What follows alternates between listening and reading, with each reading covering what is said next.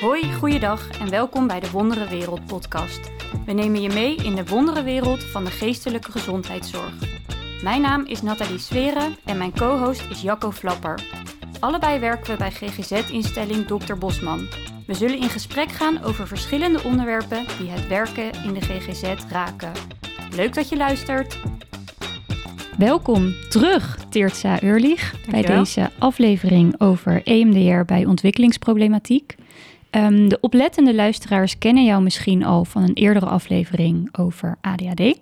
Maar eigenlijk is jouw paradepaardje toch wel EMDR. Ehm, dus ik ben ontzettend blij dat je terug wilde komen om het hier vandaag over te, over te hebben. Maar zou je eerst voor de mensen die jou nog niet kennen, jou voor willen stellen? Eh, ja, Eh, ik ben Teertsa, Teertsa Eerlich en ik werk als GZ-psycholoog bij Dr. Bosman. En ehm, nou, deze poli is gespecialiseerd in eh, ADHD of de, de poli in Amsterdam, eh EMDR en autisme.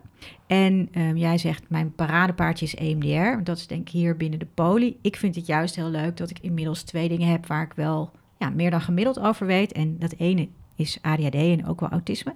Mhm. En het ander is de behandelvorm E EMDR. Ik ben naast uh, GZ-psycholoog ook E EMDR-supervisor. En behandel hier op deze poli dus heel veel kinderen, maar ook volwassenen met ja, ontwikkelingsproblematiek. Zoals ADHD en, eh, en autisme met de EMDR. Dus ik vind eigenlijk die combinatie is voor mij een hele leuke uitdaging. Mooi. En daar gaan we het vandaag over hebben. Ja, Want om eens gewoon helemaal vanaf het begin te beginnen. Wat is EMDR? Eh, hoe is het ontstaan? De- zelf merk ik dat veel mensen wel een beetje vaag weten wat het is, maar ook weer niet goed. Dus kan jij, kan je daar wat over vertellen?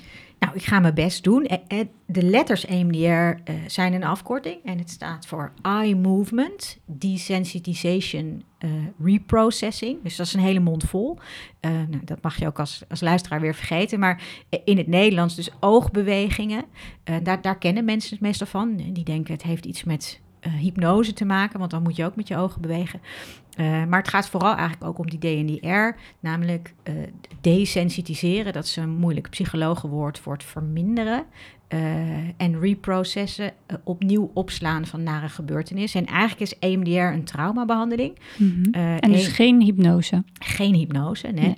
Hoewel het er misschien aan de buitenkant zo op kan lijken. Maar bij hypnose hè, neemt iemand anders, voor zover ik dat weet, ja, een soort van jouw bewustzijn over. En met EMDR ben je er gewoon de hele tijd bij. Mhm. Hè? En ik probeer ook niet iets te beïnvloeden. Maar even terug naar EMDR is dus een traumabehandeling. Een van de, van de eerste keus traumabehandelingen. En het is oorspronkelijk ontdekt voor mensen met eh, echt zeg maar eh, klachten eh, horend bij een posttraumatische stressstoornis, PTSS. Ehm, het is ontdekt door een mevrouw in Amerika, die heet Frances Shapiro. En die heeft in, nou uit mijn hoofd, 1987 eigenlijk deze behandeling een soort van per toeval ontdekt. Zij werkte met eh, oorlogsveteranen, dus met allemaal mensen die, ja, eh, soldaten die in de oorlog werkten. Nou, daar kunnen we ons allemaal wel bij, wat bij voorstellen, dat die echt hele nare dingen meemaakten. Mhm. En die daar dan ook heel veel klachten, PTSS-klachten echt van hadden. Eh, en toen liep ze zelf een keer door het bos, denkend aan vervelende dingen die ze zelf had meegemaakt. Ehm, en eh, toen dacht ze, nou, ik ga mezelf gewoon een beetje afleiden. Want ze liep door een soort van lange laan met bomen aan de ene kant en aan de andere kant. Ehm, dus ze ging met haar ogen gewoon ene boom aan de ene kant, andere boom aan de andere kant. Zo ging ze die laan door. En aan het einde eigenlijk van die boswandeling dacht ze, hé, hey, ik voel daar eigenlijk gewoon veel minder eh, spanning van. Ehm, ik ga dat ook gewoon een keer eh, proberen met mijn cliënten. Dan mogen ze vertellen hè, waar ze heel veel, welke herinneringen ze heel veel last van hebben. En dan ga ik tegelijkertijd gewoon met mijn vingers eh, dat bos nadoen. Dus dan moeten ze dat volgen als een soort experiment. En dat Mm. bleek eigenlijk heel goed te helpen. Ehm, en ehm, nou, uiteindelijk is EMDR als behandelvorm inmiddels echt super goed onderzocht en ook doorontwikkeld. En in Nederland zijn ze er ook eigenlijk best wel heel goed in. Mhm. Het is dus vanuit Amerika door eh, eh, een aantal mensen naar Nederland gehaald. En vorige week was ik nog, nou vorige maand op het congres, het EMDR-congres, dat 30 jaar eh, bestond. Dus dat het is nog best een soort jonge therapie, maar Ja. Wel heel erg onderzocht. En het is ook echt opgenomen in de, in de richtlijn als eerste keuzebehandeling. En het is dus eigenlijk een behandeling oorspronkelijk voor mensen met echt een posttraumatische stressstoornis. Ehm, maar inmiddels is er ook heel veel eh, evidentie, ook wel echt bewijs en, en veel ervaring dat het ook eh, als iemand andere psychische klachten heeft, dat EMDR geïndiceerd kan zijn als er eigenlijk maar een link is tussen wat iemand heeft meegemaakt en herinneringen daaraan en klachten in het hier en nu. Ja. Hè, dus dat kunnen bijvoorbeeld angstklachten zijn. Ehm, eh, of eh, het kunnen ook klachten zijn. Stel dat je heel erg bang bent voor iets. Ehm, en soms komt dat door iets wat je hebt meegemaakt. Maar je kan ook heel erg bang zijn voor iets. Omdat je bang bent dat er iets gaat gebeuren. Dus in principe is het een traumabehandeling die nare herinneringen waar je nu nog last van hebt of klachten van hebt, eigenlijk opnieuw opslaat in je hoofd. Dus Mhm. reprocessed eh, en ontstrest, zeg maar. Eh, maar als je een soort van toekomstangsten hebt over wat er in de toekomst kan gebeuren, dan kan je die ervaring als het ware ook neutraal opslaan, waardoor iemand dus bijvoorbeeld veel minder bang wordt voor iets. ja. En zo zijn er meer toepassingen, maar Dus het is eigenlijk heel toevallig ontdekt. ja, zoals volgens mij met heel veel Ja, dat is waar. en zo, En, dat, is eh, gaan proberen. En toen, wow, dit werkte. En nu is het gewoon eigenlijk wereldwijd uitgerold. En Ja, zij heeft daar een protocol voor geschreven. En er zijn eh, een aantal mensen die eh, vanuit Nederland die training hebben gevolgd. En, dat, ja, en in Nederland echt de vereniging EMDR Nederland hebben opgestart. En het protocol eh, ja, steeds meer verfijnd. En oorspronkelijk dus echt gebruikt voor mensen met PTSS. En Ja. inmiddels ehm, ja, breed inzetbaar. ja, breed En- inzetbaar. Hoe werkt dat dan? Want stel je werkt als psycholoog, mag je dan denken, nou, ik vind dit, dit interessant, ik download, het- download het protocol en ik ga aan de slag. Nou, dat zou ik niet doen. Eh, nee, je hebt echt wel een, een gedegen training nodig. En Ja. je hebt ook een soort, laten we zeggen, instapniveau nodig. Hè. Je moet wel ehm, eh, nou ja, op zijn minst of ehm, een psycholoog of, of GZ-psycholoog zijn met een, zeg maar, eh, een BIG-registratie. Of, nou, ik weet dat niet helemaal precies, maar eh, of bijvoorbeeld eh, ehm, de cognitieve gedragstherapie eh, in opleiding zijn tot cognitief gedragstherapeut. Eh, en er zijn ook nog wel een, ander, een aantal andere beroepen, maar je hebt een soort basiscursus en die duurt vijf dagen, waarin je echt dat protocol Mhm. ehm, goed aangeleerd krijgt. En ook wanneer kan je het gebruiken, wanneer niet. Hè? Ja. Het is net als elke andere therapie natuurlijk niet voor alles. Nee, volgens Eh. mij is het dat ook basispsychologen moeten doen als je maar de, eh, Ja, de basiscursus CGT gedaan. Dus niet alleen GZ-psychologen, maar Ja. ook... eh, Je, je moet in ieder geval wel een therapeutische achtergrond hebben. En Ja. eh, nou ja, op de website van de fan kan je kijken wat precies de toelatingscriteria zijn. Maar je, je krijgt best wel een stevige opleiding, hè? want vijf dagen. Eh, maar dat gaat erom, oh ja, daar- dat protocol is echt ontwikkeld en bewezen effectief. Maar dan moet je het ook wel op die manier geven. Ja. En dan moet je daarna, eh, als je nog een vervolgcursus wil, en daar leer je eigenlijk meer, oké, maar waar, hoe kan ik het ook voor andere dingen inzetten? Mhm. Ehm, dat is ook weer een vierdaagse cursus en dan moet je daartussen een supervisietraject volgen. Mhm. Eigenlijk allemaal met als doel, ehm, ja, hoe kunnen we zo goed mogelijke therapeuten afleveren die echt ehm, niet alleen het protocol afwerken, maar ook echt snappen waarom doe ik dit, zodat je ook soms eh, overwegingen kan maken van hé, hey, ik doe het Ja. nu toch net iets anders of ik doe hier iets meer van. Mhm. Ja. Ehm, Ja. Om wel het, het positieve effect te hebben. Ja, hey, en, en je hebt het van ja, oorspronkelijk is het voor PTSS. Wat is trauma precies? Want het is natuurlijk eerste keus traumabehandeling. Ja, nou daarin zijn er eigenlijk twee mensen die, eh, waar ik iets over heb gehoord, niet zo heel lang geleden, waarvan ik dacht, oh, die hebben dat echt super mooi verwoord. Ehm, de een is eh, Gabor Maté, die heeft ook weer heel veel geschreven over ADHD, dus zo komen mijn Mhm. twee interesses ook wel eh, bij elkaar. Ehm, want je zou eigenlijk kunnen zeggen, ehm, of tenminste volgens hem, het is een Amerikaan, hij zegt: Trauma is not what happens to you. Trauma is what happens inside you as a result of what happens to you.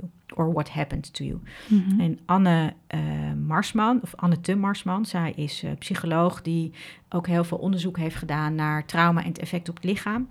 En zij heeft eigenlijk ook iets heel moois gezegd wat er heel erg op lijkt. Namelijk, trauma kan ontstaan door dingen die er waren, maar er niet hadden moeten zijn, zoals oorlog of een ongeval. Maar ook door dingen die er hadden moeten zijn, maar juist ontbraken, zoals aandacht en steun. Het inzicht dat trauma niet datgene is wat met je gebeurd is, maar de verwonding die het heeft achtergelaten, vind ik belangrijk. En ja, ik kan het eigenlijk alleen maar met. Zij zeggen eigenlijk een beetje hetzelfde. Hè? Mhm. Want we maken allemaal Mooi, vervelende ja. dingen mee in ons leven. Ja. Eh, en je zou kunnen zeggen, je maakt trauma's. Je kan trauma's met een grote T meemaken. Dus bijvoorbeeld, nou ja, oorlog, verkrachting. Mhm. Dingen die echt levensbedreigend zijn. Of dat je dat ziet bij iemand anders. Of die echt je fysieke integriteit aantasten. Mhm. Maar je kan ook trauma's met een kleine T meemaken. En dan kan je bijvoorbeeld denken aan verwaarlozing Mhm. of eh, lichamelijke, of eh, sorry, eh, geestelijke mishandeling.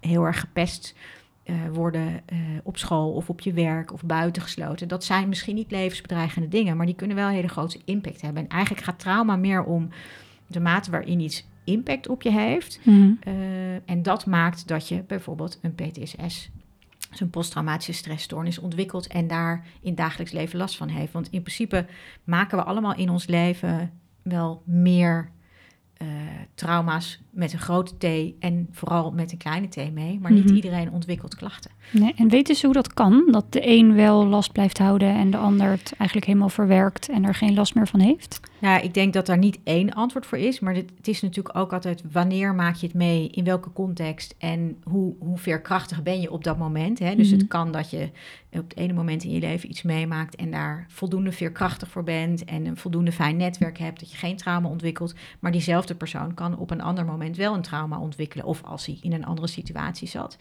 Maar ik denk, eh, wat ook volgens Francis Shapiro, dus die de EMDR Mhm. grondlegster is, Ehm, zij zegt eigenlijk dat mensen trauma ontwikkelen op het moment dat datgene wat er gebeurd is, eh, op een ja, dysfunctionele, onhandige manier wordt opgeslagen Mhm. met nog ja, negatieve eh, betekenisgeving daarbij eh, en met alle negatieve emoties van toen. Hè, dus, eh, en dan eh, vind ik heel mooi dat zij zegt, ehm, en ik heb daar een keer een Vlaamse spreker over horen zeggen.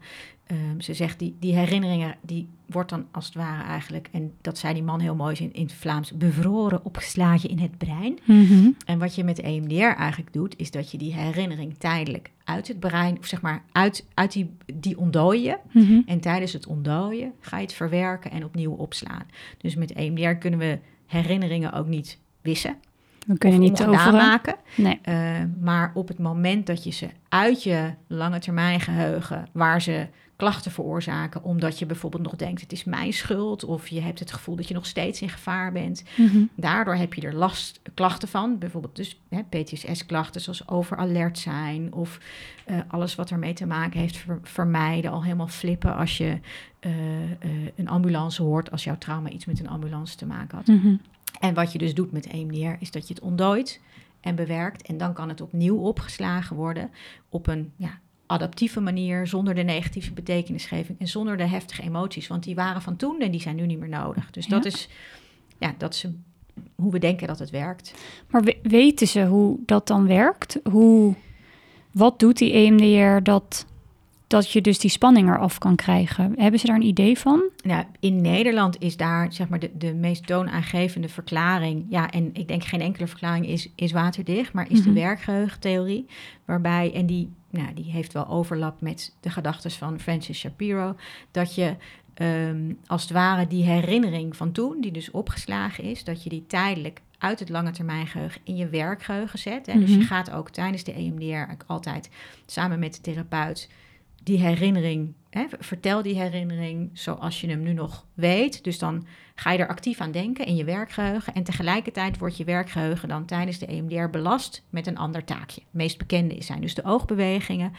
Maar je, dat kunnen ook andere taakjes zijn, zoals in bus, en buzzers of eh, de koptelefoon eh, of spellingstaken of ehm, fysieke taken bij kinderen, een bal overgooien. In ieder geval iets waardoor je werkgeheugen ook belast wordt. En dan ontstaat er een soort competitie tussen ehm, die nare herinnering van toen met alle negatieve emoties en negatieve gedachten erover Mhm. of gevoelens en de nieuwe taken. En je werkgeheugen is maar beperkt, zeg maar, die kan maar een beperkte capaciteit Mhm. aan. Dus als het te veel is, dan is eigenlijk heel fijn. Dan gooit je werkgeheugen eruit wat niet meer nodig is. En wat is niet meer nodig? Die negatieve gedachten, gevoelens eh, en de heftigheid van toen. En dan kan het dus eigenlijk opnieuw opslaan. Ja, mooi. Ja.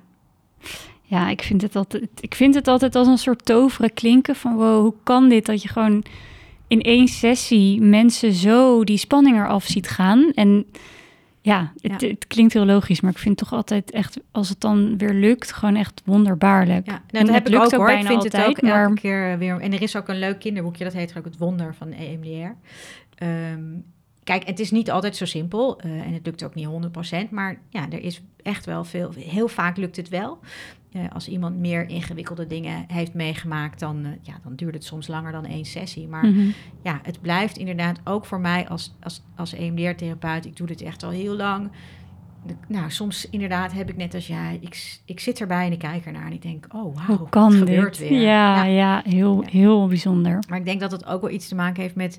Kijk, wat, wat we het liefst doen is nare dingen wegstoppen en er niet aan denken. En dan gaat het wel over. Mhm. En ehm, ja, op het moment dat iets vastgevroren in je hoofd op een onhandige manier zit, Mhm. werkt dat niet. Dus Nee. dan moet je het ontdooien, bewerken en opnieuw opslaan. En Ja. dat, daar helpt EMDR bij. Ja, Ja. ja. bijzonder. hey, en we hebben het vandaag over eh, EMDR bij ontwikkelingsproblematiek. Dus vooral wat jij veel eh, hier op de poli tegenkomt. Dus ook veel met ADHD, autisme. Ehm, hoe werkt EMDR daarbij? Is dat precies hetzelfde of gaan dingen op weer net een andere manier? Ehm, ja, dat, dat wisselt eigenlijk per persoon. Ja. Ehm, over het algemeen eh, werkt het bij mensen met ADHD wat meer hetzelfde. Mhm. Behalve dan ja, dat ze soms bijvoorbeeld sneller afgeleid raken. of eh, dat jonge kinderen echt heel snel, ehm, ja, dat de concentratie op is. Ja. Dus daarin is het vooral belangrijk dat je soms bijvoorbeeld met jonge kinderen met beloningen werkt. Of echt goed uitlegt, dit gaan we doen en dit is de reden. Zodat je de motivatie zeg maar verhoogt. Mhm. Dat je korte sessies doet, hè, dan liever misschien twee keer in de week, 45 minuten dan één keer anderhalf uur. Ja. Bij een volwassene, bij kinderen doe ik sowieso niet langer dan eh, drie kwartier tot een Mhm. uur. Ehm, en eh, dat je nadenkt over op welk moment van de dag of als een, eh, iemand met eh, ADHD medicatie gebruikt en dat werkt goed, ja, gebruik het dan ook tijdens de EMDR, want dan kan je Ja. eigenlijk langer focussen. En bij mensen met autisme merk ik dat ik over het algemeen echt wel meer aanpassingen moet doen. Maar welke dat zijn, ja, dat, dat verschilt gewoon per Mhm. persoon, zeg maar. Maar heb je bijvoorbeeld voorbeelden van aanpassingen die je wel eens gedaan hebt? Ehm, nou, ik heb bijvoorbeeld nu eh, eh, iemand in behandeling en die, ehm, die kan echt overspoeld raken door, eh, door haar eigen eh gedachtes. Ehm, dus hè, bij EMDR moeten ze denken aan de nare gebeurtenis en dan doe je oogbewegingen en dan vraag je daarna steeds tussendoor wat merk je. En dan wil je dus dat die associatieketen op gang gaat en alles mag opkomen. En dan, wil, hè, dan vraag je aan de cli- cliënt wat merk je. Dan mogen ze gewoon zeggen wat er in hen opkomt. Eh, zij wil het zo graag goed doen, maar raakt er ook heel snel overprikkeld. Dus dan begint ze met praten en dan verdwaalt ze in haar eigen tekst. En dan Mhm. gaat ze bijna op slot en dan nou, kan ze bij wijze van spreken... Dan is ze ook helemaal bij haar gevoel weg, omdat ze alleen maar denkt, ik doe het niet goed. Ja. Dus met haar heb ik bijvoorbeeld afgesproken dat ik alleen maar op dat soort momenten aan haar vraag: Komt er wat op? En dan zegt ze ja of nee. Mhm. Eh, en als ze ja zegt, dan wil ze wel gaan praten, maar heb ik met haar afgesproken: concentreer je daar maar op.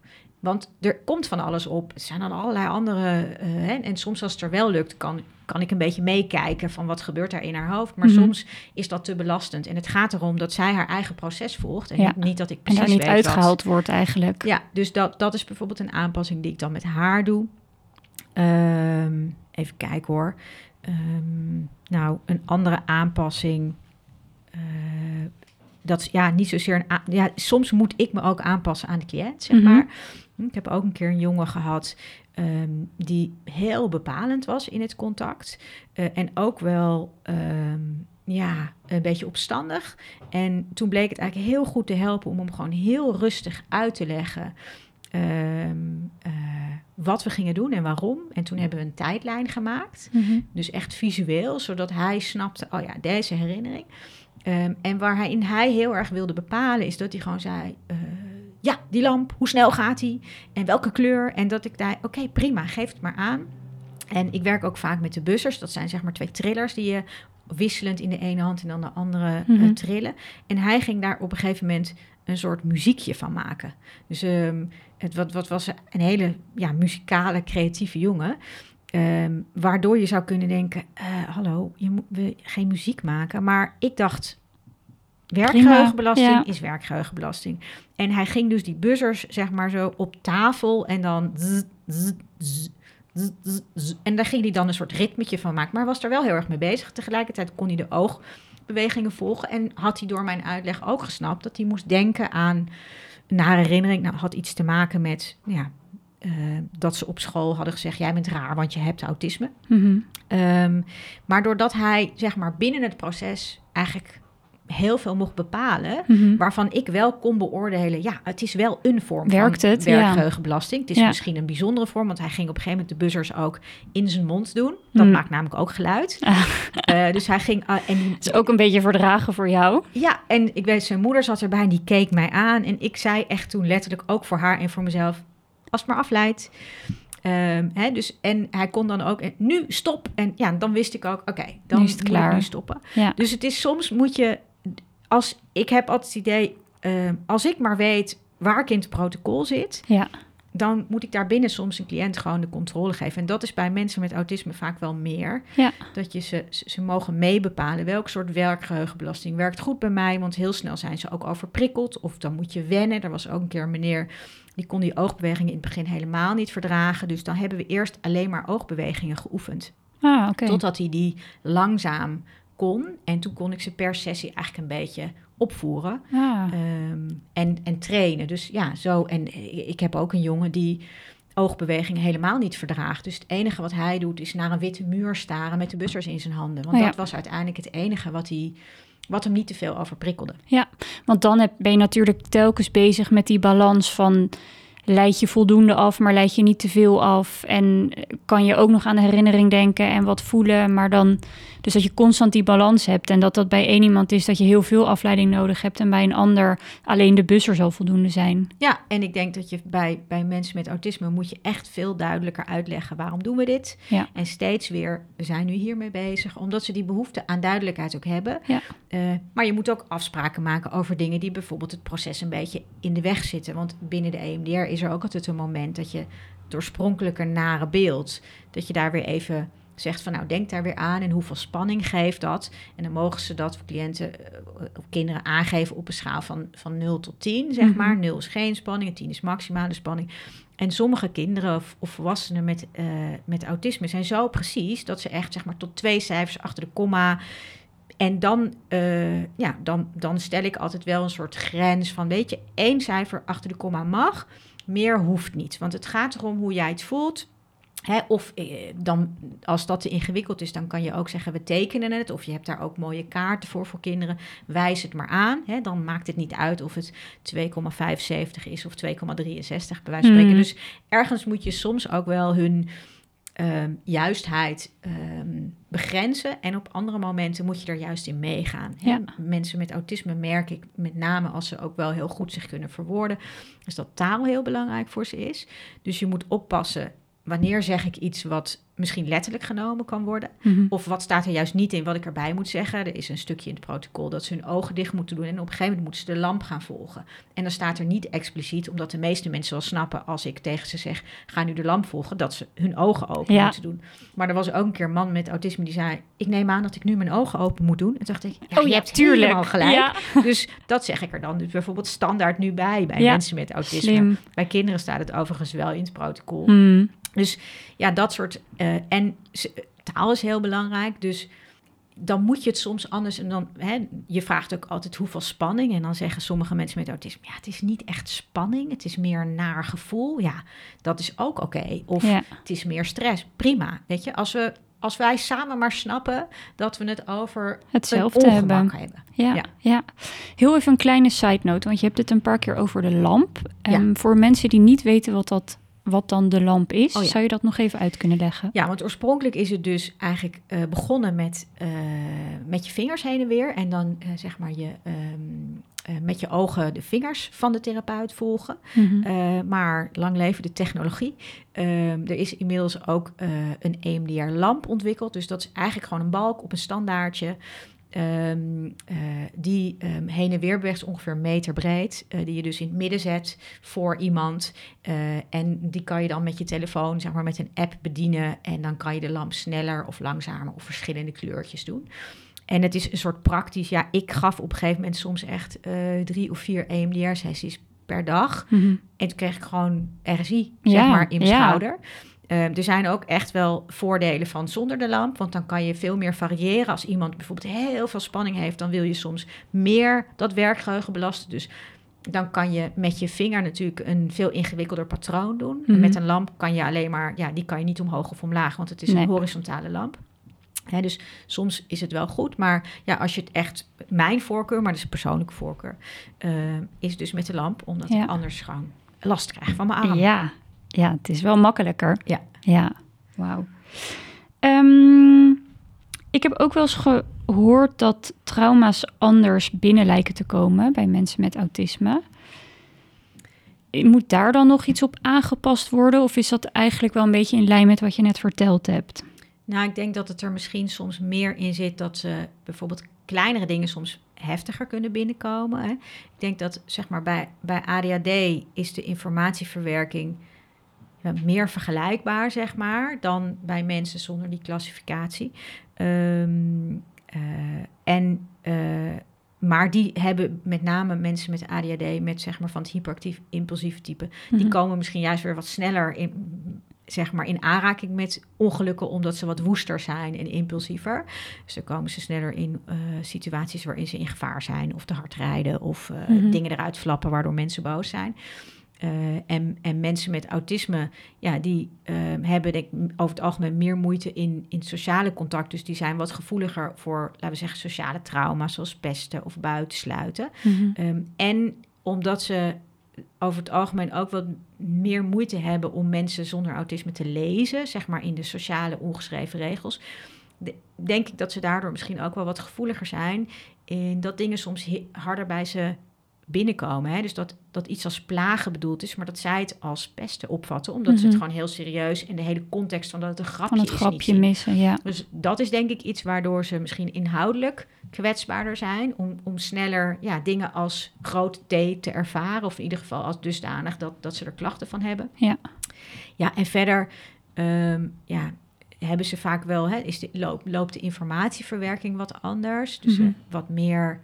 eh, ja, ze, eh, ze, ze vinden het soms moeilijker om het grote geheel te overzien. Dus ja, dat zou... ik- Daar is eigenlijk helemaal nog niet echt goed onderzoek naar gedaan. Nee.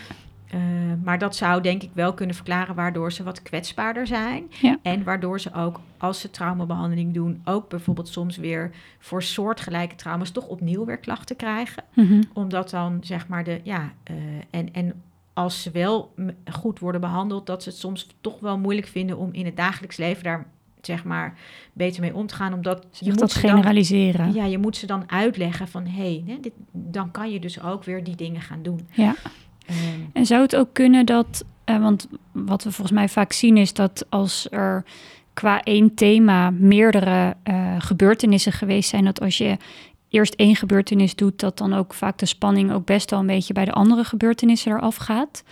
Ehm, zou het ook kunnen dat, dat het hier bij mensen met autisme dan allemaal wat meer op zichzelf staat? Dus dat de ene gebeurtenis niet per se ja, de andere denk- gebeurtenis helpt als het ware om de spanning eraf te krijgen?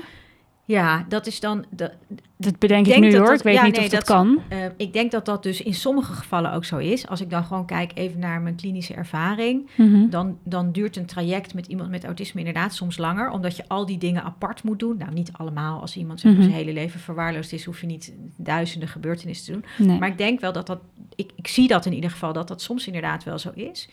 En dus dat dan, ik noem het altijd een beetje het domino-effect. Hè? Van Mhm. ja, je, je, je tikt er één om en er vallen meer nare herinneringen rondom hetzelfde thema om. Ehm, aan de andere kant zijn er ook wel mensen bij wie dat wel gebeurt. Ik heb nu bijvoorbeeld ook eh, iemand in behandeling die inderdaad eindeloos veel, ehm, laat ik het zeggen, psychisch, eh, psychische mishandeling van een van zijn ouders heeft meegemaakt. Mhm. Ehm, waardoor hij zegt, het is, het is zoveel. Eigenlijk ervaar ik het niet eens. Ik, ik weet niet beter. Ik ben opgevoed met altijd maar die bejegening. Dus ik dacht dat het normaal was. Dus dan moet ik hem ook helpen met uitleggen. Jeetje, maar het is eigenlijk heel heftig. Hè? En Mhm. eigenlijk eh, moet je iemand eerst soms bewust maken van dat dat e- eigenlijk mishandeling is. Mhm. Om bij wijze van spreken die spanning ook voelbaar te maken. Omdat zij dachten, ja, maar dit is mij normaal. Ja. Terwijl iemand zonder autisme al sneller misschien om zich heen heeft gekeken en gezegd... maar het is echt niet normaal hoe dat bij mij thuis gaat. En, Ja, bij mij is het heel anders dan bij Ja. eh, mijn vrienden. en, en deze eh, persoon heeft dus juist dat we eigenlijk door één herinnering te doen... die hele, zeg maar, alles, alles rondom eh, die verwaarlozing door een van zijn ouders... eigenlijk is omgevallen. Oh, Dus dus, dat is- is... heel snel gegaan. Ja, dus het is ook weer niet... Ja, nou, nogmaals, geen één... Per persoon is het weer zo verschillend. ja, en ik bedoel, ze hebben dan als overlap misschien de klassificatie Mhm. ADHD of autisme, maar eigenlijk eh, is het bij iedereen weer anders. Maar Ja. er, zijn, hè, er zijn wel een aantal dingen die je bij veel mensen met autisme wel ziet. Maar Ja.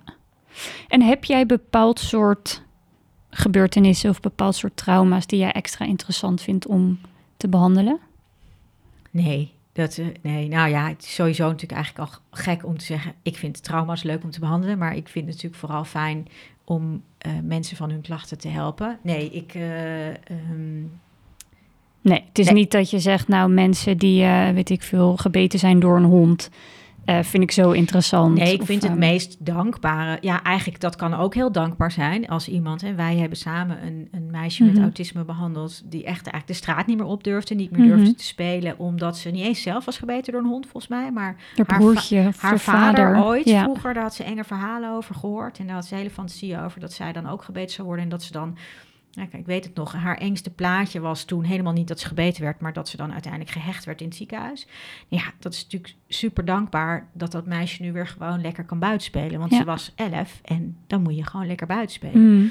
Maar ik vind ook super dankbaar mensen die ehm, ja, hun hele leven eigenlijk eh, al last hebben, dus echt wat ouder zijn en last hebben van ontzettend negatief zelfbeeld of heel streng zijn voor zichzelf, omdat ze ja niet, de, laten we zeg ik het even vriendelijk, niet ideale opvoeding hebben gehad. Dus Mhm. veel afkeuring, veel psychische, zeg maar geestelijke mishandeling. Ja, als je die mensen en dat zijn vaak wel de wat taaiere behandelingen. Maar als je die mensen ziet opknappen en ineens zeg maar, ja, als iemand van 70 toch ineens van zichzelf leert houden en denkt, Ja, ik ben oké zoals ik ben. Ja, Geweldig. dat is natuurlijk super geweldig. Ja. Ik kan me ook nog herinneren, ik weet niet helemaal of dat klopt, maar dat, er, dat jij ook een keer iemand in behandeling hebt gehad die ook zei van ja, maar Teertza, dit is echt het laatste wat ik probeer, anders is het klaar. Ja, nou ja, dit voorbeeld wat ik net zei, dat hoort bij die meneer, zeg ah, maar. oké. Eh, dat was inderdaad een meneer van, eh, nou volgens mij toen ik begon met de behandeling 69, inmiddels is hij 72 en ik, eh, ik zie hem nu nog, maar meer steunend en ik ga het nu afronden. Ja, die, die zei, en gelukkig hadden collega's gezien van, nou volgens mij zijn veel klachten waar deze meneer last van heeft, namelijk heel vijandig ten opzichte van de wereld, niemand vertrouwen, boos op anderen, boos op zichzelf, eh, heel somber, suïcidaal. Ja, volgens mij, volgens ons heeft dat te maken met dat hij gewoon een hele nare jeugd heeft gehad Mhm. eh, opgegroeid in een streng eh, gereformeerd gezin. En ja, heel veel afkeuring. Ze wisten niet dat hij autisme had. Hij bleek ook nog hoogbegaafd. Dus Mhm. hij deed allemaal dingen waarvan anderen on, onaangepast vonden. En we, ja, in een ander licht kan je denken... nou, die hadden we wat meer, zeg maar, moeten laten zijn wie die was. Ja, die zei echt van, nou ja, ik, oké, ik vertrouw jou ook nog niet... want hij vertrouwde niemand. Maar ik heb me ingelezen op EMDR. Ja, klinkt plausibel. Maar als dit niet werkt, dan wil ik euthanasie. Nou, dat was natuurlijk wel even een shock. Ehm, en na, ja, na de EMDR ehm, was dat helemaal niet meer aan de orde. Hè? Ja, heel bijzonder. Dus dat, ja, ik bedoel, dat is, dat is mijn... wel een enorm succesverhaal. ja, eh, Ja. maar daar doe je het natuurlijk wel voor. Dat je, hè, ik denk dat best wel veel, met name volwassenen met ADHD en met autisme, ehm, behoorlijk beschadigd zijn door het leven, omdat ze niet mainstream zijn. En ja, leuker kan ik het niet maken, maar helaas is Mhm. onze maatschappij best wel hard voor iedereen Mhm, die anders zeker. is. Ja. Eh, maar ehm, hè, dus, dus dat is dan best wel heel vaak echt eh, structurele afwijzing. Binnenshuis, buitenshuis, op school, door leeftijdsgenoten. Later weer mislukkingen op het werk. Ja, als je die mensen het gevoel kan geven, maar ik ben oké zoals ik ben, hè, want anders is ook gewoon. Mooi. Ja, Ja, dan- Ja, dat is in ieder geval heel dankbaar werk. ja, absoluut. Hey, en werkt het altijd? Nee, ik denk, niks werkt altijd. Geen enkele therapie werkt altijd. Nee. Ehm, het is wel een van de beste therapieën eh, voor trauma. Mhm. Ehm, maar niet per se beter dan bijvoorbeeld imaginaire exposure of andere traumabehandelvormen. Mhm. Uh, het is wel een, een vrij um, cliëntvriendelijke behandeling. Want ze hoeven er geen huiswerk voor te maken. Dat vind ik fijn bij volwassenen met ADHD, die vaak chaotisch zijn, dingen Mhm. vergeten. Je hoeft alleen maar te komen op de afspraak. Daar kan ik je bij helpen door een reminder te sturen. En als je er eenmaal bent, dan kunnen we aan, Dan de, we slag. aan de slag, Je hoeft ja. niet dingen uit te schrijven. Uh, ja, soms wel, maar in principe hoeft dat ook niet. Nee. Ehm, en ehm, ja, het is vooral het ophalen van de herinnering. Dat doet zeker, kan soms wel pijn doen. Eh, en daar moet je wel doorheen. Maar het is over het algemeen ja, redelijk effectief. eh, en ja, daardoor wel cliëntvriendelijke behandeling. Ja, mooi. Heel, heel goed om te horen. Nou, ik wil je enorm bedanken. Als laatste, wat misschien nog wel interessant is, ehm, zijn er nog bepaalde, is er nog naslagwerk of waar mensen, eh, behandelaren er meer over kunnen lezen? Heb je daar nog tips in? Ehm, als je er vooral meer over wil lezen, dat is dan wel denk ik vooral als behandelaar, Mhm. Ehm, dan heb je het eh, voor volwassenen praktijkboek EMDR deel 2. Daar staat een heel hoofdstuk over EMDR bij autisme. En in het handboek EMDR bij kinderen en jongeren, daar staat zowel een hoofdstuk over ADHD eh, als over EMDR bij kinderen. Dus daar vind je eigenlijk nog meer informatie. Ehm, nou ja, en dat eh, die cliënt waar we het net over hadden, die hoogbegaafde meneer met autisme, daar Mhm. heb ik in het EMDR magazine 30, zeg maar. Dus Oh, wat leuk. Heb je daarover geschreven? Heb ik daarover geschreven. Ehm, ja, dus ik denk dat dat wel de belangrijkste naslagbronnen zijn. En misschien ook de, dat is echt voor de zeg maar eh, behandelaren dan, de website van Helen Hornsveld. Zij is een EMDR-trainer. En zij heeft ook een, eh, bij haar download-artikelen een artikel over behandeling van EMDR bij autisme. Oké. Nou, ontzettend bedankt. Ik, eh, ja, ik, ik doe het zelf ook en ik vind het echt heel interessant. En ehm, nou, leuk om van jou zo te horen op deze manier. Nou, graag gedaan. Veel dank. Dit was de Wondere Wereld podcast. Een podcast mede mogelijk gemaakt door Dr. Bosman. Muziek wordt gedaan door Noodweer Music. Bedankt voor het luisteren.